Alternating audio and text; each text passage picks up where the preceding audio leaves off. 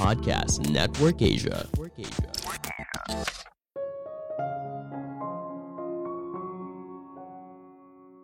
Jika orang lain tidak menganggap kamu gila, berarti ide kamu tidak cukup besar. Halo semuanya, nama saya Michael. Selamat datang di podcast saya, Sikutu Buku. Kali ini saya akan bahas buku Crazy is a Compliment karya Linda Rothenberg. Sebelum kita mulai, buat kalian yang mau support podcast ini agar terus berkarya, caranya gampang banget. Kalian cukup klik follow Dukungan kalian membantu banget supaya kita bisa rutin posting dan bersama-sama belajar di podcast ini. Buku ini membahas cara menjadi pengusaha dengan mimpi yang kelihatannya sulit diwujudkan. Ketika seorang memiliki terobosan yang besar, banyak orang malah berpikir kalau itu merupakan ide gila dan mengabaikannya. Bahkan beberapa ada yang menertawakan mereka. Ketika ide tersebut mulai diterima, banyak orang berusaha menjatuhkan menentangnya habis-habisan, dan menganggap idenya tidak masuk akal. Selain tekanan yang berasal dari luar diri, keluar dari zona nyaman dan berbeda dengan orang lain merupakan pengalaman yang tidak mudah. Namun, bagaimana jika kita menggunakan perspektif yang berbeda? Berbeda dan dianggap gila bukan sebagai hal yang perlu dihindari, tapi dianggap sebagai sebuah pujian. Saya merangkumnya menjadi tiga hal penting dari buku ini. Pertama, mengembangkan ide gila. Saat mengambil sebuah keputusan hidup yang penting, kebanyakan orang dengan semangat berkonsultasi dengan teman, keluarga, atau pasangan mereka untuk meminta pendapat. Tapi sebenarnya, hal ini bisa jadi kesalahan besar. Kenapa? Kamu perlu menghilangkan sesuatu yang disebut sebagai psychological limiters, sebuah kepercayaan yang mengatakan kalau kamu tidak mampu mencapai tujuan yang kamu inginkan. Pembatas ini berasal dari ketakutan atas segala sesuatu yang tidak diketahui dan tidak pasti. Masalahnya, keluarga dan teman kamu sebenarnya bisa memperburuk keadaan. Misalnya jika kamu sedikit ragu untuk berhenti dari pekerjaan yang sekarang dan memulai bisnis sendiri. Ketika kamu berbicara dengan orang tua kamu tentang hal tersebut, mereka mungkin merasa ngeri karena mereka telah terbiasa bekerja dalam kondisi yang stabil selama hidupnya. Apa yang bisa kamu lakukan untuk mengatasi psychological limiters Pertama, kamu harus memahami kalau satu-satunya alasan kamu menghadapi hal negatif adalah karena kamu sedang mendorong batas dari apa yang kamu anggap mungkin berhasil. Hal ini jauh lebih sulit daripada mengerjakan apa yang sudah terjadi. Ada contoh yang menarik.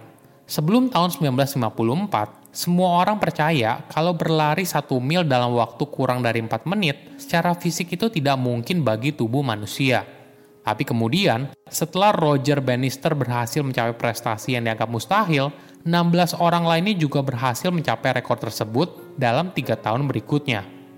Kedua, kamu bisa menghindari munculnya psychological limiters dengan tidak membagikan idemu kepada orang lain, khususnya ke orang terdekat.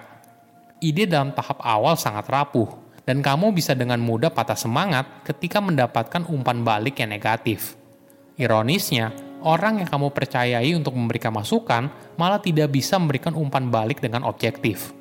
Hal ini disebabkan secara alamiah masukan yang mereka sampaikan mungkin sifatnya emosional. Mereka mungkin diam-diam tidak menyukaimu atau mereka mungkin khawatir atas konsekuensi apabila kamu mengejar ide tersebut.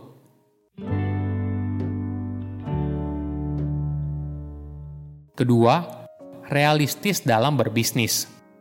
Apa pun yang kita lakukan, pasti ada resikonya. Ketika kita memilih untuk bekerja di perusahaan lain, juga ada resikonya. Kita tetap bisa di PHK. Namun tentu saja memulai perusahaan sendiri memiliki resiko yang lebih besar.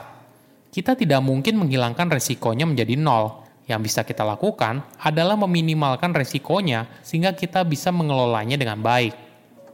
Bagaimana caranya? Pertama, pastikan tidak ada satu kegagalan besar yang menghancurkan segalanya.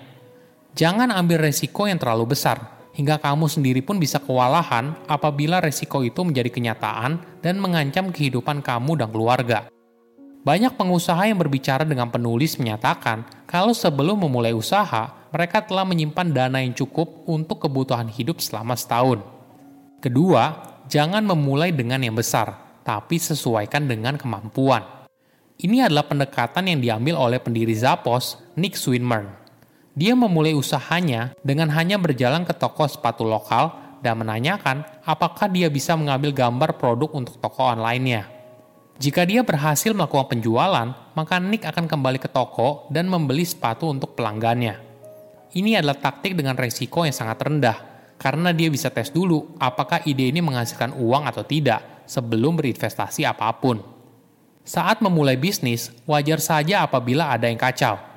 Ini adalah bagian dari proses menuju sukses.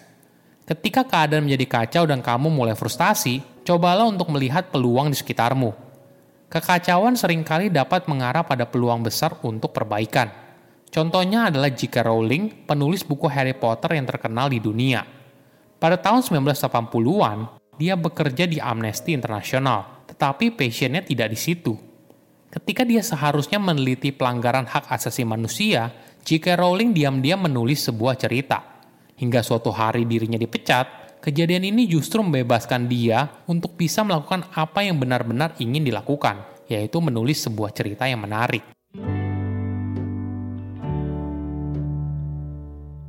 Ketiga, tipe kepribadian pengusaha. Penulis menjelaskan empat tipe kepribadian pengusaha. Pertama, Diamond. Ini adalah tipe kepribadian seorang pengusaha yang visioner. Dia sering kali memimpikan ide besar yang dapat merevolusi hidup di masyarakat.